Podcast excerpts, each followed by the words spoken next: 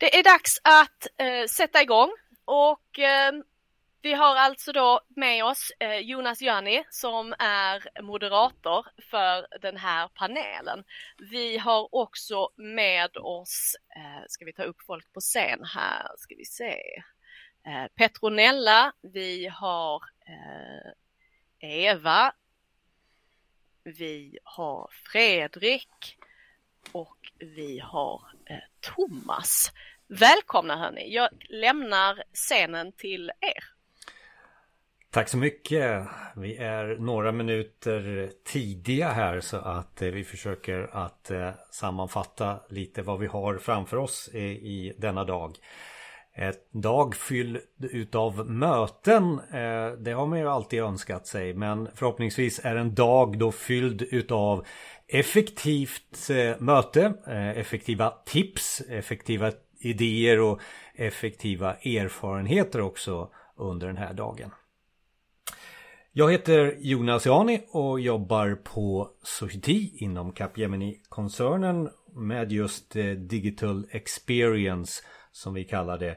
Och eh, jag gör även en podcast som heter Effekten som handlar om digitalisering. Och jag ska hålla er sällskap och styra en panel med tyckare om eh, just det här med samarbeten. Vi håller på i 45 minuter fram till klockan 11 i det här programmet. Och vi har med oss eh, några intressanta gäster. Jag hörde att eh, Lotta pratade just om mm, de gästerna vi har med oss i panelen. Eh, men innan jag tänkte att vi börjar så kör vi laget runt. Ska vi börja med Eva först? Ja, tack så mycket. Jättekul att vara med här. Eva Svensson heter jag, sitter i Linköping och jag är grundare till Krarum.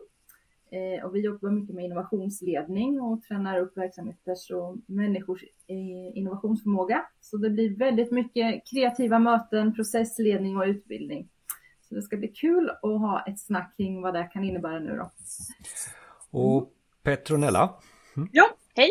Petronella Barrios heter jag. Eh, jag driver en konsultfirma som heter Maniola Studios och även vi jobbar då med eh, innovation, affärsutveckling, marknadsföring för att hjälpa bolag att driva tillväxt kan man säga. Thomas? Hejsan, kul att vara här. Eh, Thomas Viktorsson heter jag, jobbar på Siemens Energy som CTO och produktchef. Och sen Fredrik också. Ja, jag heter Fredrik Bauer och jag hjälper företag, organisationer och individer att få effektiva möten med aktiva deltagare, egenföretagare, konsult, moderator och utbildare kan man säga. Och innan vi börjar, eh, Thomas, jag tror att det är du som har micken lite så här så det, det rasslar. Så att lite tekniskt så, så att eh, vi löser det först. Eh, och det är väl så att eh, det här tekniska var väl det vi började med när eh, pandemin och det här att jobba hemifrån slog oss med eh, storm, även hur vi ska definiera det.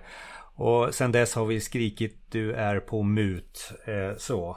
Eh, och nu tror jag nog att eh, vi ska passera det och jag tror att vi har egentligen känn, har fått en känsla av att det digitala, digitala mötet, ja det har vi accepterat och, och lär känna eh, nu. Och sen har vi börjat att röra oss mot samarbete, vad det nu är. Samarbete enligt definition är ju att göra arbetsuppgifter eh, tillsammans. Och sen är det det här med att stödja, och det kanske också är ett tredje steg, stödja just det här med de arbetsrutiner och de processerna vi har. Och kanske få in det i alla de här digitala verktygen som vi har eh, använt oss utav under eh, nästan två år känns det som nu i alla fall för mig.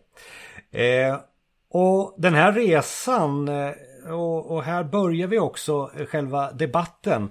Eh, vad handlar det här om hur pandemin har påverkat våra samarbeten? Och sen hur tar vi med oss någonting av det här eller ska vi glömma bort det här och, och, och egentligen bara fokusera på, på, på det gamla? Så ska vi börja med Petronella. Eh, vad, din åsikt påverkat vårat samarbeten från hjärtat eh, enligt dig? Mm. Vad tycker du? Ja, men det har ju haft en eh, kan vi väl konstatera väldigt stor påverkan på många av oss. Man brukar ju säga liksom att förändring sker allt snabbare idag, att eh, förändringstakten ökar exponentiellt. Men så här stor förändring som vi, många av oss har upplevt eh, på så här kort tid, det tror jag liksom att jag i alla fall, eller vi som samhälle, inte varit med om, i alla fall under min livstid, i hur vi arbetar. Så det har ju varit en stor omställning som har utmanat oss och det kan ju skapa både otrygghet för många. Eh, man pratar liksom omställning och det är Zoom-trötthet och isolering och sådär. Men jag upplever också att det har skapat mycket engagemang och pepp. Liksom. Att alla så här, nu gör vi det här tillsammans. Och liksom solidaritet och liksom, vi går ihop och hjälps åt. Ehm, men temat som du säger är ju samarbete och där läste jag en undersökning häromdagen att om man tittar på hur vi lägger upp vår arbetstid idag så har liksom dagen förändrats. Förut var det ungefär 50-50 eh, kollaborativt arbete där man liksom samarbetar med andra och fokuserat eget arbete. Men nu har den här kollaborativa delen minskat med 37 procent under eh, ja, senaste året tror jag att det var.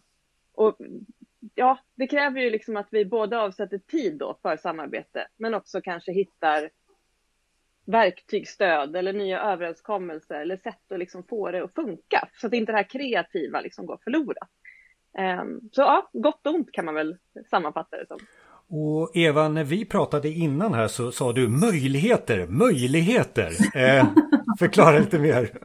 Eh, nej, men det finns ju väldigt mycket möjligheter. Det tror jag eh, många känner också. Det är lättare att ses egentligen på något sätt och stämma av. Och man, kan, man behöver inte den här restiden och man kan lättare stämma av. Så jag tycker samarbeten, det är ju utmaning att lära känna nya människor på det här viset. Men jag har också exempel på att det faktiskt funkar bra. Men man måste vara mycket mer förberedd tror jag, än vad man är kanske på andra möten och fundera på vad är det vi ska göra här idag. Eh, mötena ser ju kanske lite mer likadana ut också, så det kräver ju lite eh, arbete med att för många är lite så här funderar på, går det verkligen göra kreativa möten? Men det tycker jag vi börjar lära oss. Eh, men det är klart att vi har väl nästan alla upplevt lite härdsmälta av att lära nytt, att göra på nya sätt. Så innan vi gick på semestern tror jag nog rätt många av oss var trötta för att vi orkar med mycket mer möten och vi manglar på där. vi behöver ju fortfarande reflektionstid och få röra på som inte annat, för det är ju en utmaning när vi står still så här. Men jag tycker det finns väldigt mycket fördelar i att man kanske gör lite kortare möten och när man börjar samarbeta att man tar små steg i taget. Och det är ju faktiskt en, en förutsättning för att förändra sig och ändra beteenden. En, annars kanske man tog en stor dag, man såg sig, sågs på en stor workshop eller något och så skulle så mycket hända då. Så där tycker jag är ett exempel på stora fördelar faktiskt. Och Thomas Stora, det är ju ni på, på Siemens. Eh, men din reflektion av samarbete där du är eh, och du har varit? Ja, absolut. Eh, vi är ju drygt 80 000 anställda globalt företag. Eh, så absolut, det är stort och det är komplicerat. Men jag skulle vilja bygga på vad Petronella sa där, var eh, också att det var ju en stor förändring och vi gjorde den eh, snabbt och det har skett snabbt och vi har accepterat den och vi har byggt vidare på den. Jag tror mycket i det bygger på att eh, förändringsledning är att man ska ha ett gemensamt mål och vi hade ett gemensamt mål allihop, för vi satt i en pandemi allihop. Eh, så vi hade samma utmaning, samma fiende allihop, så vi behövde få det att funka. Och det tror jag är jättestarkt eh, motiverande för alla att få det att funka. Det kan vara lite värre nu när man ska gå tillbaka till hybridlösning där man har lite olika åsikter om hur man vill göra det. Då har man inte samma tydliga mål och samma fiende om man får säga det. Så det tror jag är en utmaning. Eh, men om man kommer tillbaka till vad vi har gjort och vad jag tar med mig. Eh, som globalt företag, stort företag som du är inne på Jonas, så har vi ju fått resa, vi har varit i olika möten, workshops och så vidare som eh, man har rest till. Men eh, nu helt plötsligt så var det helt okej okay, legalt att mötas i Teams eller i en annan digital lösning för att ha mötena. Man eh, sparar ju tid som sagt som Eva var inne på här. Vi kan koppla upp oss snabbt och vi är på tre kontinenter. Och det är en jättestor fördel. Så också en miljöaspekt jag skulle säga. Eh, vi sitter inte på ett flygplan Eh, och eh, åker på möten för en dag eller en halv dag och åker tillbaka igen utan eh, vi kopplar upp oss och det är en viktig del tycker jag i det här också, miljöaspekten. Fredrik, din reflektion av samarbeten? Ja, det är ju väldigt likt vad ni andra säger naturligtvis. Och jag tycker att det är fascinerande när jag utbildar eller håller föreläsningar och frågar eh, folk vad tycker du är det bästa med digitala möten så är många inne på att det är effektivt Men då menar man just det som du Eva var inne på, att man menar att det är tidseffektivt. Men kanske inte, precis som du Petronella var inne på, det här hur vi lyckas samarbeta, hur vi får det kreativa, hur vi får saker att hända. Att där är det många som fortfarande har stora utmaningar. Där jag tycker att det är intressant att vi emellanåt verkar tro att allt det ska ske på möten och mötestid. Trots att ett samarbete faktiskt är någonting som sträcker sig över längre tid inte minst i de lösningarna som finns. Alltså många sitter i, i Teams idag. Eh, Teams utveckling har varit jättesnabb i hur man kan mötas och så. Men i botten så är ju Teams inte ett mötesverktyg. I botten så är ju Teams ett samarbetsverktyg, eh, hur man jobbar i, i grupper och så. Så jag tycker att det är intressant att liksom, det står vi fortfarande inför. Där är det fortfarande många som, som famlar lite. Där är Svava och andra verktyg jättebra att kunna använda naturligtvis. Sen tänker jag det andra handlar om just hur vi bygger det sociala, hur vi skapar liksom det här kittet på arbetsplatserna. Som har varit en utmaning när det har varit helt digitalt, men det kommer fortsätta att vara en utmaning. Så där måste vi hitta andra sätt att göra det än i eh, möten. Vi måste liksom bygga på, eh, skapa relationer som inte bara är att vi ska sitta på möten tillsammans. Det finns ju undersökningar som säger att eh, vi som organisation, alltså individuellt så för varje organisation, har en till två år på sig att landa i det nya. Eh, och då kanske inte det är bara samarbete man pratar om utan det här roliga uttrycket eh, det nya är väl en gemensam bild som, forskarna pratar om då. Och det här bekräftas lite av eh, undersökningar också Fredrik, om vi stannar kvar lite vid, vid, vid dig där. Eh, just vad är det nya och, och, vad är det nya samarbetet eh, framöver? Mm. Jo, men eh, vi kan, det kan vi gärna stanna oss eh, kvar vid en stund. Jag initierade en studie 2019 om svenskars mötesvanor. Jag tyckte att det pratas oerhört mycket om att vi vill ha effektiva möten utan att riktigt definiera vad menar vi med effektiva möten. Så då gjorde vi en, en studie där vi frågade drygt 500 tjänstepersoner som var heltidsarbetande i företag och organisationer med mer än 26 medarbetare.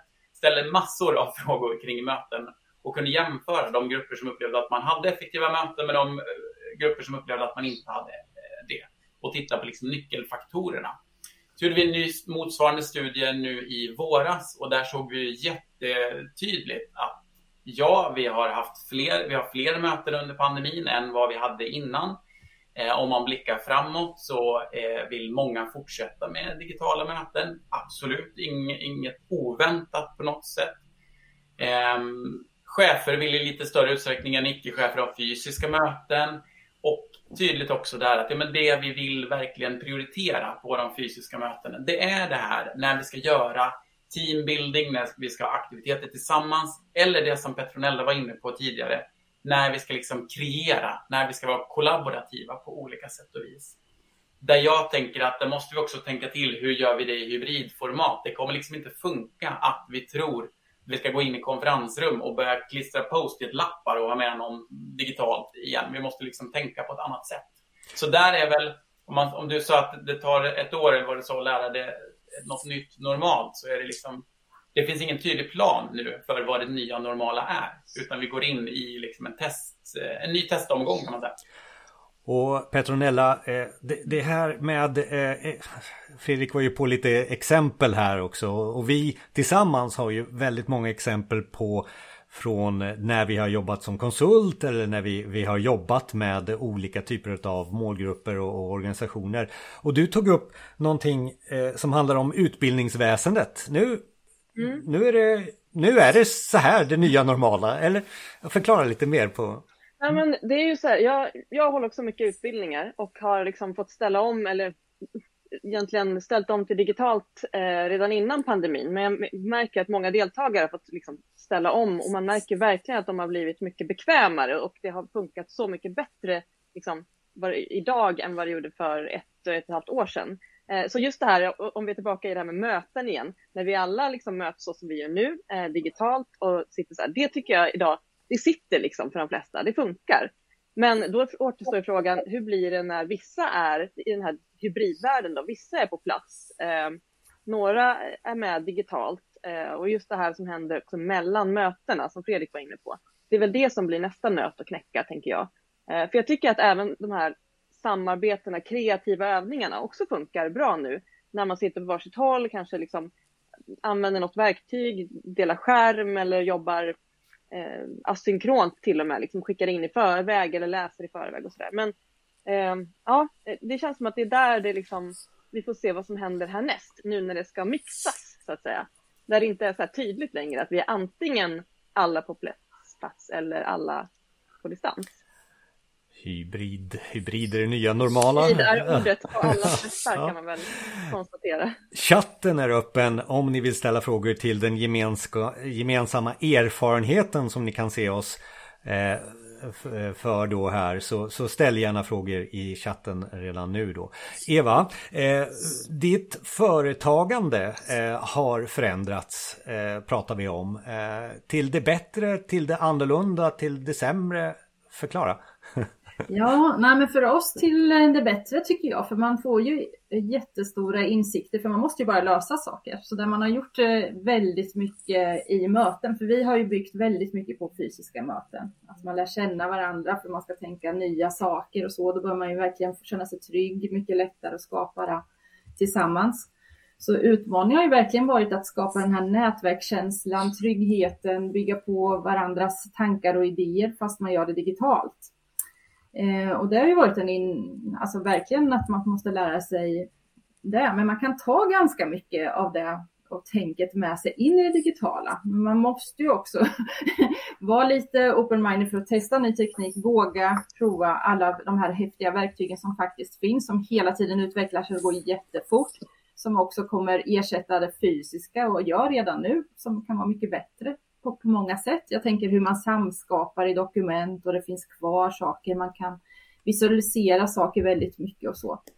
Eh, så att för oss har det blivit en möjlighet att nå ut till mycket mer och vara tydlig med vad kan man nå ut med på vilket sätt. Alltså utbildar man så kan man ju göra rätt mycket e-learning och grunda. För min våta dröm är ju till exempel att alla medarbetare ska ha en lite så här idéutvecklingsmetodik, kreativ problemlösning i ryggraden. Och det är ju svårt att vara ute och utbilda till alla, men det går ju att göra väldigt mycket digitalt och så. Och sen, sen fundera på när behöver man verkligen ha fysiska möten och när kan man läsa in och titta på filmer själv, titta på goda exempel och så. Så jag tycker att det, jag ser väldigt stora möjligheter, för vi har jobbat ganska mycket lokalt i, runt Linköping och Östergötland, men nu är vi också, tack vare ett stort Vinnova-projekt, men över hela landet och man ser väldigt stora möjligheter att sprida och komma ut på det här sättet och sam, samarbeta med andra som ni också varit inne på. Man kan mötas upp och diskutera och utveckla saker en kort kortare stunder än att resa hit och dit som tar väldigt mycket tid och resurser.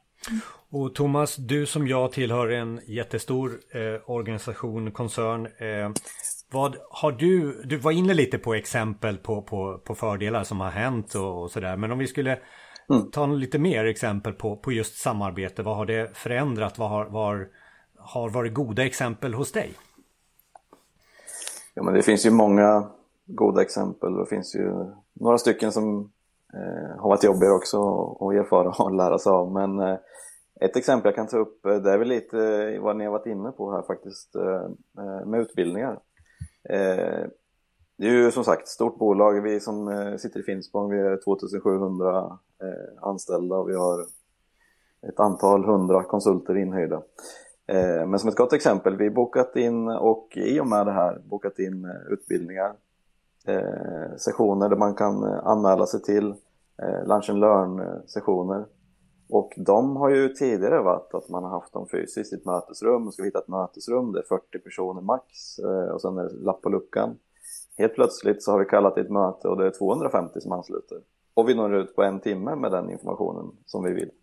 Eh, och det har ju inte varit möjligt förut. Då behöver vi hyra Folkets hus i Finspång för att ta in 250 personer. Och den administrationen, den tiden, det engagemanget vi behöver ha bland alla och plus att man ska traska till det här mötesrummet. Eh, det har vi ju sluppit nu. Så den saken är ju en given tick in the box. Det där kommer vi fortsätta med, sådana saker. Eh, varför ska vi göra det fysiskt? Just de bitarna. Eh, Fredrik räcker upp handen. ja, men jag vill gärna fortsätta på det Thomas är inne på här. För när vi pratar om lärande så kan man ju fundera på vad det är egentligen. Och det här ja, 250 personer, de skulle inte ha åkt till Finspång, eh, för, även om ni hade hyrt Folkets hus. Liksom. Eh, mm. Så att få till det där effektiviteten. Jag jobbar som producent och moderator i olika sammanhang. Där har vi ett samarbete inom samhällsbyggnadssektorn. Istället för att bjuda in till halv heldagskonferenser så har vi ju nu kört webbinarier och då har de legat så här en gång i månaden istället. Alltså, mm. vi är inte skapta för att sitta i ett rum en hel dag och bara lyssna på korvstoppning. Däremot kan vi jättegärna tänka oss en timma, 45 minuter med jämna mellanrum istället så att man får det utspritt över tid.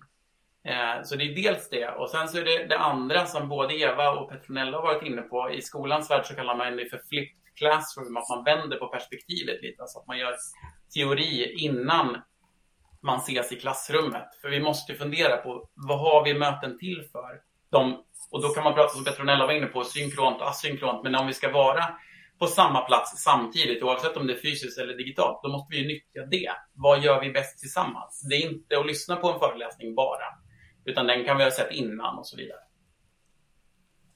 Och Petronella, du, vi var inne på utbildningsväsendet. Var det universitet eh, vi pratade om där eller? Eh? Eh, ja, eller mm. både och. Jag undervisar både på alltså, yrkeshögskola och i, hos privata aktörer och sådär. Så både kan man säga vuxna yrkesverksamma personer, men också de här unga pigga som alltid är på det senaste tekniken och inte tycker att något har varit krångligt förutom att de inte får hänga med varandra om dagarna. Sådär. Ehm, men ehm, ja, nej, men jag tycker att det är liksom, jag tror alla har, man har vant sig mycket. Man har i början saknat mycket att, att träffas live liksom. Men sen så tror jag att man är, det som Fredrik sa det, att eh, göra det värt att ses. Vad gör vi när vi faktiskt ses? Och det gäller väl både egentligen när vi ses fysiskt nu då, eh, här framöver, men också när vi ska kalla till ett eh, digitalt möte. Att se till att det liksom göra det värt tiden så att alla känner att man får ut någonting av det här mötet.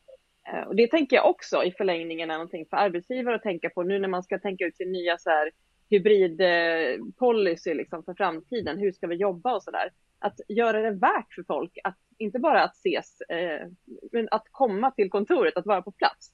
Det kommer ju vara liksom en, eh, vad ska man säga, liksom en, en USP för arbetsgivare att kunna mm. erbjuda något som passar eh, människor där ute. För att man har ju fått helt nya perspektiv på vad man tycker är en bra, eh, ett bra sätt att jobba. Hur vill jag jobba och vart ifrån och när och sådär. Eh, jag läste ytterligare en undersökning faktiskt som LinkedIn har gjort där de frågar över tusen personer eh, där var fjärde anställd säger att de kan säga upp sig helt enkelt om de tvingas tillbaka till jobbet på samma sätt som det var innan. Det är också så här tvinga, det låter ju väldigt, men jag tror att det är många som, många kanske framförallt eh, stora företag som nu känner liksom att ja, men okej, nu måste vi liksom tillbaka så här. Och så bara säger man att nu, nu ska alla vara på kontoret på heltid eller så här, även om det är så här två, tre dagar i veckan. Men att det, liksom, det blir så pang på, det är också en omställning. Det måste man också liksom eh, vara öppen för att de här eh, ens medarbetare kommer känna att oh, hoppsan, det här är jag ju liksom inte van vid nu. Eh, och det kommer uppröra känslor. Så jag tror att göra det värt att vara på plats om man nu vill att folk ska vara på plats, det är ja, hur gör man det?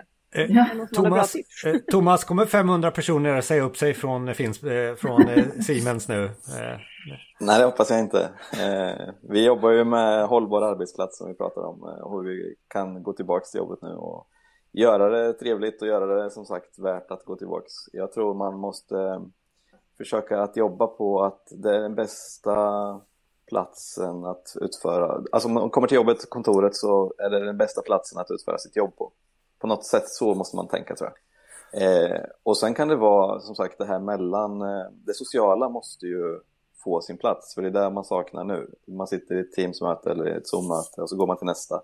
Man har inte det här snacket vid fikapparaten, man går inte förbi en kollega i, vid ett skrivbord. Och den biten tror jag många saknar. Och den, kan man bidra med den till arbetsplatsen och få den den viktiga delen. Och sen kan man trots det koppla upp sitt eh, digitalt möte, fast man kanske är på kontoret, men att man bygger det nätverkande, det sociala, att det blir kanske det viktigaste. Och sen att alla verktyg är anpassade till att utföra sitt jobb på bästa möjliga sätt när man väl är på kontoret också. Och Fredrik, här nu då. Eh, Peter har, har, ställt lite frågor gällande just det här i, i chatten och fortsätt gärna ställa frågor till, till oss. Det här med gränsen mellan ha det, det fysiska mötet, eh, det attraktiva kontoret eh, och så skapar det ett grupptryck för eh, att samverka och jag måste dit men jag sitter hemma. Vi pratade om A och B-lag. Utveckla lite ja, mer. Men det är det man gör nu och jag tänker att ibland så stirrar man sig lite blind också på så här vad är ett möte? Nu säger vi så här, nu har vi bara haft digitala möten eller många har haft bara digitala möten. Ska vi gå tillbaka till bara fysiska möten eller ska vi göra massor av hybridmöten? Jag tror liksom nyckeln för ett bra hybridmöte det är att verkligen tänkt igenom. Behöver vi verkligen göra det här som ett hybridmöte? För det är svårt att göra hybridmöten. Det är supersvårt att göra dem riktigt bra. Då måste vi också, precis som ni andra har varit inne på, vi måste liksom tydliggöra varför har vi det här? Det är liksom back to basic. Vad är syftet? Behöver vi verkligen ha ett hybridmöte eller funkar det kanske bättre att göra det helt digitalt? För att på det sättet är alla involverade och delaktiga på alla sätt. Eller går det att göra och säga, nu har vi ett fysiskt möte, okej, kan du inte vara med? Sorry, då funkar det inte det den här gången. Eller så gör vi ett annat möte som är fysiskt och ett som är digitalt, till exempel. Jag samlar ju ganska mycket tips på olika sätt. Dels finns det på min hemsida mötesutveckling.se och dels kan man följa mig på LinkedIn där det kommer minst ett tips varje tisdag. Där kommer jag ha eh, ett samtal på LinkedIn live eh, fem veckor i, raden, eh, i rad med olika experter där vi kommer prata om liksom, de olika aspekterna av det.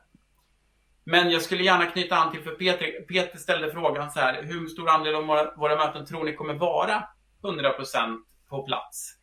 Och eh, min gissning är så god som någon annans naturligtvis, men i den studien som vi gjorde då svarade 49% att ungefär hälften eller fler än hälften av deras möten kommer vara med alla deltagare på distans. Det här är såklart bara liksom en hypotetisk gissning, men det är åtminstone ett, eh, ett inspel där.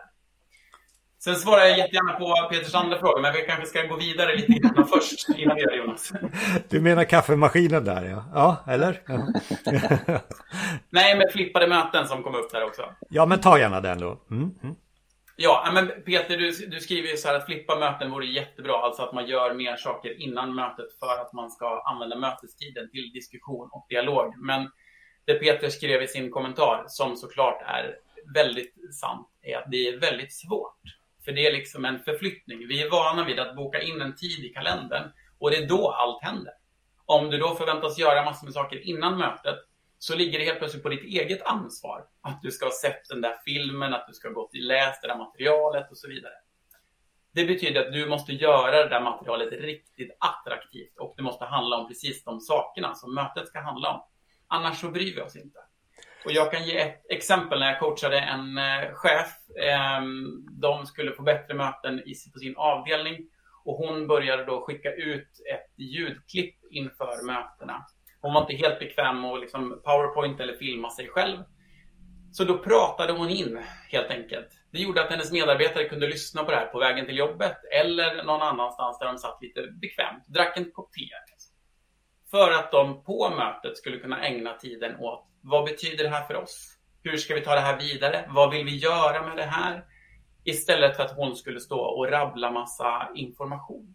Hon fick superbra respons på det och har ja, effektiviserat, om man så vill, då, sina möten väldigt, väldigt mycket på det. Ett... Väldigt enkelt litet steg, men som kan göra stor skillnad. Ett samarbete, ett möte börjar före och sen sker det något, själva händelsen och sen så är det säkert också efteråt. Och Eva, det är någonting återigen kopplat till kanske din verksamhet och, och, och där du har märkt mötet med kund också. Det är någonting mm. som du kan väl bekräfta också? Ja, absolut. Eh, jag tänker att man, eh, alltså vi pratar ju ofta när vi utbildar och så, hur man gör bra möten egentligen och får engagemang för det. Så att eh, att man blir tydligare med vad det är vi ska göra. Jag, jag hör sånt runt omkring mig, alltså att det, det ska bli tydligare vad är agendan? ska jag gå på det här mötet eller inte? För jag vill veta vad det handlar om, för jag kanske behöver vara mer förberedd och sånt. Och det hade man ju önskat lite förut, för jag tror vi lägger väldigt mycket tid på onödiga möten. Jag undrar om det har blivit lite mindre så nu, för att man får mer ta det här ansvaret som ni pratar om, tänker jag. Men vi hade också ett sådant exempel tillbaka till dig Fredrik under sommaren här i ett stort projekt tillsammans när en tjej spelade in sig själv, visade några bilder som var rätt komplicerade, men det var ändå så här skön liksom, känsla. Hej, jag vet att jag hör av mig mitt i sommaren och ni har semester, men jag skulle behöva hjälp med det. kan ni kolla på det här? Och sen var det en, alltså en lägg som man kunde fylla i och, och, och samskapa. Och sen hade ju hon ett arbete klart när vi kom tillbaka, ett utkast klart liksom. Det var ju, då visste man att det var värt att lägga tiden ändå. För att det, var, det är så härligt liksom att få det där gjort. Så att det finns ju många olika sätt att jobba på med att förbereda innan men också efter. För jag tycker just att dokumentera saker och det är till exempel Svava ett jättebra verktyg för. Som jag har länge önskat som workshopledare eller när man ska jobba med de här post-it-lapparna och sådär. Hur får man med sig det här direkt in när det sitter i, liksom i huvudet på folk och fortsätta samskapa och så. Men det har vi ju direkt med många Eh, digitala verktyg som är toppenbra. Alltså. Ja, och det, det, är väl där också som jag, när jag började eh, eh, dagen här så pratade jag om digitala mötet. Jag kommer till samarbete och så någonstans är det också ett processstöd som nu börjar ske. Alltså vi har de här verktygen, Teams och Zoom och alla de här och så börjar vi infoga eh, våra eh, eh Svava till exempel eller eh, verktyget som sköter Eh, Eh, våra post-it-lappar. Alltså stöttandet i befintliga digitala verktyg blir mer så vi kan göra vårt processarbete eh, rent tekniskt ifrån ett och samma fönster eller eh, startsida eller vad det nu är. Kanske det nya intranätet för oss som har varit med ett tag. Petronella, du har också sådär kastat dig från det ena till det andra kanske här under, under pandemin. Mm. Alltså, jag tänker kring det här med verktyg så tycker jag att det har ju kommit mycket bra grejer man kan använda. Vi har varit inne på det här med liksom, eh, hur man kan använda Teams och liksom att inte bara för videomöten utan för annat också. Och, och Svava för att liksom både förbereda, se till att alla har agendan och för dokumentation efteråt. Och jag sitter faktiskt här och, och ritar lite här nu Jonas medan du pratade. Eh, en liten modell som vi brukar eh, jobba med som kallas för flugan eller liksom sån här bowtie som man har så här. Där man får tänka på liksom att eh, det finns ett före och ett efter mötet. Ni har ju sagt det här allihopa, men det är så värt att påminna om en gång till liksom att det händer inte bara i själva mötet, utan det är lika viktigt vad man gör innan. Så här, skapa engagemang för folk att vilja vara med, vilja bidra, göra sådana förberedande uppgifter så att säga. Så att man sen i mötet kan få en liksom, produktiv och bra gemensam tid tillsammans. Men som också såklart efterarbetet liksom. Eh, så här, hur eh, återkopplar vi till alla med actions? Hur summerar vi våra, vad vi kom fram till? Och så vidare. För jag har suttit i så många så här, eh, jag träffar organisationer och säger att de, vi har gjort så mycket brainstorming, men det ledde inte till något, säger de. Eller så här, det blev ingenting av det. Så okej, okay, men vem var ansvarig för att det skulle bli någonting av det då? Ja, det, det var lite oklart liksom. Så att ja, men det här liksom före och efter tror jag är så himla viktigt. Och att använda verktygsstöd för att få, få till det är ju toppenbra. Sen är verktygen i sig inte magiska. Det kommer inte hända bara för att man har ett verktyg. Utan man måste se till också att någon ansvarar för att eh, ja, hantera det på bästa sätt. Det är väl ett jättebra hjälpmedel. Hur många har inte varit på en eh, whiteboard eller ett eh, blädderblock och satt post-its och skrivit lappar och sen tejpar man fast dem för att de inte ska försvinna när man åker hem ifrån träff, äh, träffen man hade och sen ska någon skriva ner det där och försöka förstå vad det var två dagar senare eller en vecka senare och sen kommer det kanske in Excel eller någonting. Alltså det, det finns ju så mycket stöd i, i det som eh, till exempel Svava bidrar med. Det är, ju, det är ju jättepositivt. Det är ju en effektivisering om något. Hur har det gått för er när det gäller det? Har det blivit effektivare, mer dokumenterat? Vad var det vi sa vid förra eh, mötet, tillfället? Vad ska vi nu göra i samarbetet? Har det blivit bättre svar på de frågorna? Ja, jag skulle kunna säga att vi har blivit mycket effektivare i att få eh, Eftersom vi är digitala i mötena så har vi oavsett vilket verktyg man använder så har vi fått en mentalitet där man dokumenterar mycket bättre. Oavsett om det skulle vara ett mail som skickas ut efter med ett kort eh, minsta meeting eller som sagt att vi använder ett systemstöd för att få ut det så har man ställt om sin mindset att det är viktigare att få ut det här också, att det finns ett protokoll.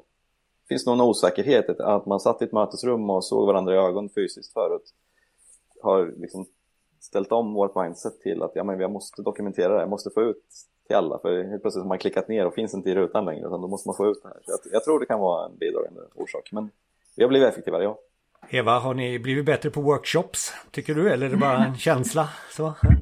Nej, men det, alltså, det är pusselbitar som byggs till. I vår metodik för idéutveckling så är det väldigt viktigt att man är överens om vad man menar med sina utmaningar, sin frågeställning, brukar vi prata om. Och det tycker jag har blivit tydligare, som ni andra har sagt också, för att man skriver ner och man eh, liksom måste definiera saker bättre. Så det tycker jag har varit ett stort bidrag. Men så tycker jag också att visualisera saker och dokumentera saker, det är bra. Men jag tycker det har varit en liksom det kanske alla har känt, från en utmaning när man känner så här, jag, jag smäller av, det är så mycket att, att lära sig och så där tills man känner så här, det är jäklar, det här ska bli riktigt kul att se, hur kan jag göra det här? Hur kan jag starta upp ett möte på ett kreativt sätt och använda så? Men visst, lite så där är det ju med tekniken kan jag känna, man ska vara trygg med tekniken för att gå och göra jäkligt mycket roliga saker. Men man måste ju ta sig tid att förbereda liksom. Och, och, och hitta de verktygen. Så jag känner, förut så pratade vi om eh, facilitatorer med sina, det har vi också så här, våra väskor vi går runt med med massa material när man workshoppar. Men nu är det massa digitala verktyg i den här väskan också. Men kombinationen är ju liksom jättespännande att se hur det blir framöver Fredrik där med hur vi ska kombinera alla saker. Mm. Vi kommer på slutet att prata lite om hur vi lyckas med det här nu då. Eh, men ja. Fredrik, eh, du som träffar många eh, kunder, har vi haft en verktygssjuka? Har du sett den? Um, snarare verktygsrädsla skulle jag säga. Alltså det är många som inte vågar testa. Så här, Oj, nu har vi lärt oss att sätta på kameran och att vi har lärt oss att vi får på ljudet. Mm. Då är vi helt plötsligt nöjda. Och många tror att man inte kan göra så mycket mer fast att man i praktiken kan göra väldigt, väldigt mycket mer. Och precis som Petronella var inne på så är det ju inte så att bara för att vi har ett verktyg eller bara för att det är dokumenterat så händer det ju inte för det. Utan vi är fortfarande någonstans tillbaka till basic. Någon måste ta ansvar och någon måste göra. När jag pratar om hur man skapar effektiva möten så har jag akronymen SURFA som står för struktur, underlag, rätt personer, fokus och A som är avslut. Alltså att man går från mötet med vem, vem ska göra vad och till när. Och i samma studier som jag refererade till tidigare så ser vi att över 50 procent lämnar ett möte utan att veta vad som har bestämts på mötet. Fast att en av de sakerna som vi blir gladast av under ett möte, det är när beslutet fattas.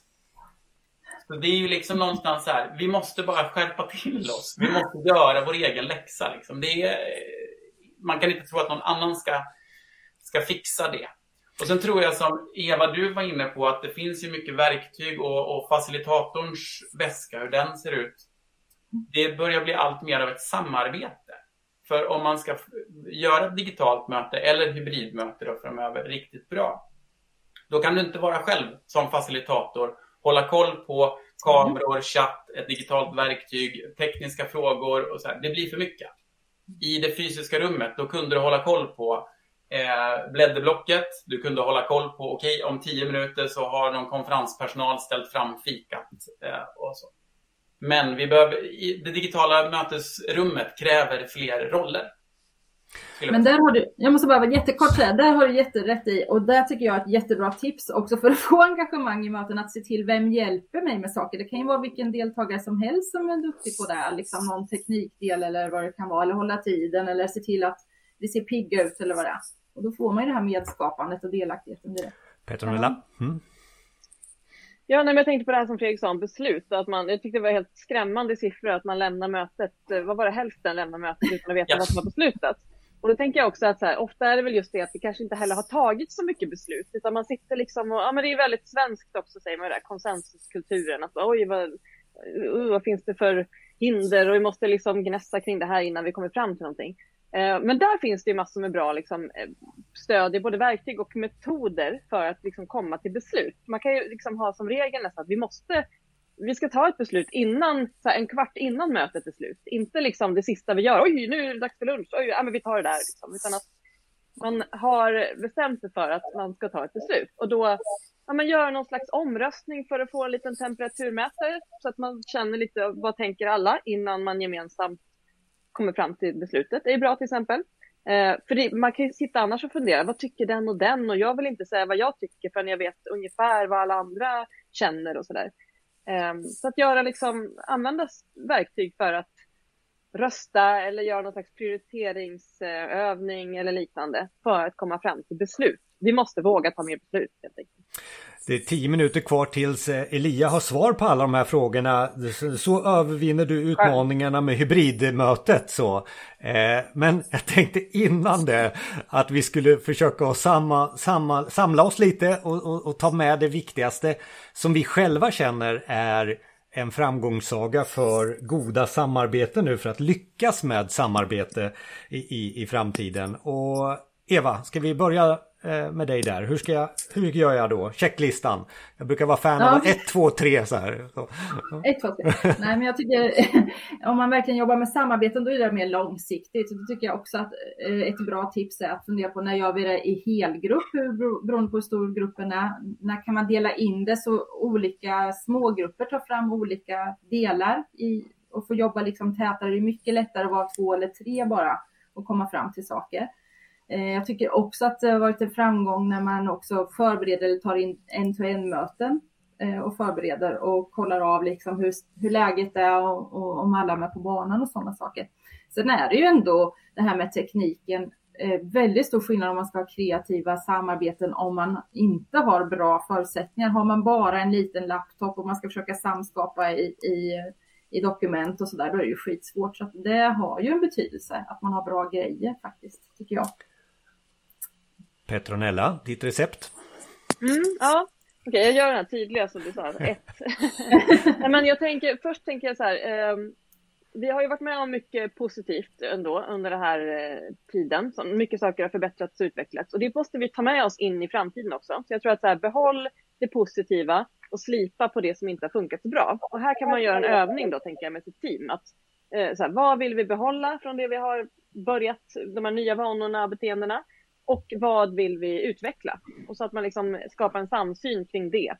Eh, vilket leder mig in på nummer två då, som är att sätta just gemensamma ramar för det här nya samarbetet, hybridarbetet, vad det ska vara. Att man eh, kommer överens om hur vi ska jobba helt enkelt. Och där tror jag mycket på överenskommelser snarare än regler. Alltså det ska inte komma uppifrån.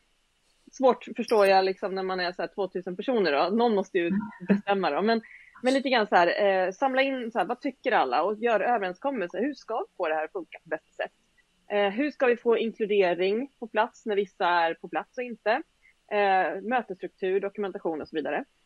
Eh, och då nummer tre då, som jag tänker på är just att våga testa sig fram. Att inte liksom sätta en policy och säga nu är det det här som gäller för all framtid. Utan att ha ett uttalat, kanske agilt arbetssätt och säga att nu testar vi och gör så här och så utvärderar vi det. Därför att det kommer inte vara one size fits all och det finns ingen som sitter på facit utan vi måste liksom eh, bestämma oss, testa någonting och sen våga gå tillbaka och utvärdera och förändra. Så tänker jag.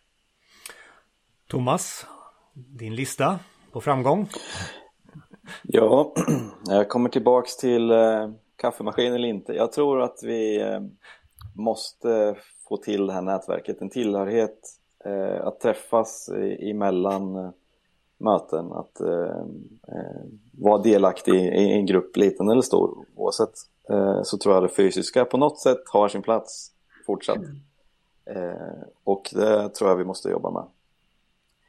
Jag tänker också annars som nummer två är väl, det är egentligen två och tre, det är väl egentligen sånt man måste tänka på oavsett om det är digitalt, hybrid eller ett möte på plats. ni gjorde ett jättebra incheckning här checka in att alla är med och det kanske blir ännu viktigare i en hybridlösning. Eh, se till att alla är med eh, på banan, att man är där, vilket mod man är i. Står man i ett rum fysiskt så kan man ofta se ansiktsuttryck, man kanske som sagt har träffat den personen fysiskt tidigare, man ser om den mår bra eller dåligt eller trött eller pigg. Eh, men den incheckningen tror jag är viktigt oavsett mötesformen. Eh, så den ska vi nog hålla fast vid. Det finns vissa grunder som faktiskt var bra även tidigare. Mm. Så tar vi med oss den i hybrid, digitalt och även eh, fysiska möten. Och sen eh, finns det en sak till som vi har eh, reflekterat över den här pandemitiden. Det är ju inkluderingen i mötena, att man får personer inkluderade. Man måste vara mer aktiv i mötena. Att, eh, ja, kanske ställa en direkt fråga. Petronella, eh, vad tycker du om den här? Alltså att man för, ja, aktiverar eh, hela mötet och alla deltagarna, för annars kan det vara en lätt sak Eh, sitta längst bak i mötesrummet och, och slumra till och kolla på mobilen, det har vi ju sett allihop i fysiska möten. I ett digitalt möte så kanske kameran inte ens är på och man vet inte ens om de är där. Om man ställer en fråga det är helt tyst. Eh, så jag tror att man eh, ska jobba mer med den här inkluderingsbiten och det, jag tror det gäller alla möten i och för sig men eh, en viktig sak att tänka på. Så får jag mina tre. Ja, du ser, det har ju jag varit här under hela den här 45 minuterna. Så här. Ja, det är en tydlig moderator. Nej, men jag tror också, eh, och bekräfta det du säger, alltså jag, jag har väl haft den, den stilen hela tiden när man satt sig i den här rollen. Och min bakgrund inom mediavärlden gör väl också att man, man är sådär. Så att fortsätt med det har jag känt och, och det är väl en bekräftelse från dig där också, eh, Thomas. Då. Absolut. Eh, mm. Och Fredrik, eh, du, du, har redan sagt att vi ska surfa oss igenom allting här. Eh, men eh, har du något mer? Nej, men Jonas, jag, jag, älskar ju den här typen av tre tips för att. Gör fem saker på det här sättet så får du det här. Eh, det är ju liksom min favoritgren kan man säga.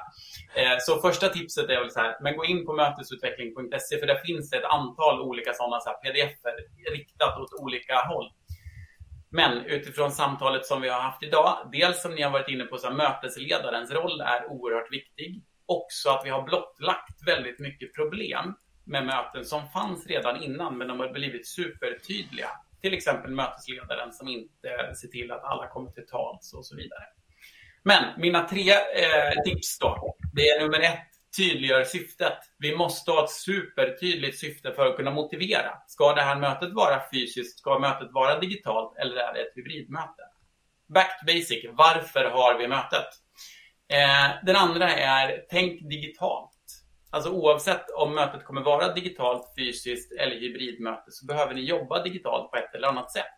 Det kan vara med eh, Svava eller det kan vara med andra typer av eh, verktyg för att kunna dokumentera, involvera och inkludera på lite sikt. Och den tredje, det är ju att använda tiden effektivt. Om vi nu tycker att vi, eh, de digitala mötena har varit så himla bra för de är tidseffektiva, då får vi inte heller glömma bort våra kroppar och hjärnor och, och ögon är inte skapta för att sitta framför en skärm hela dagarna. Vi är heller inte skapta för att sitta i ett mötesrum hela dagarna. Så använd tiden effektivt. 45 minuters möten är superbra. 30 minuters möten också superbra. Så att liksom göra själva mötestiden så tidseffektiv som möjligt. Ett sätt att göra det, det är att göra mer innan och efter och se till hela processen. Så syfte, tänka digitalt och använda tiden effektivt. Mina tre slutsatser. Och tack för alla som har chattat och jag har säkert glömt några i förbifarten på tal om det här med att vara, vara överallt i ett möte. Eh, är det någon som har någonting på slutet sådär som nu? Det här vill jag också säga.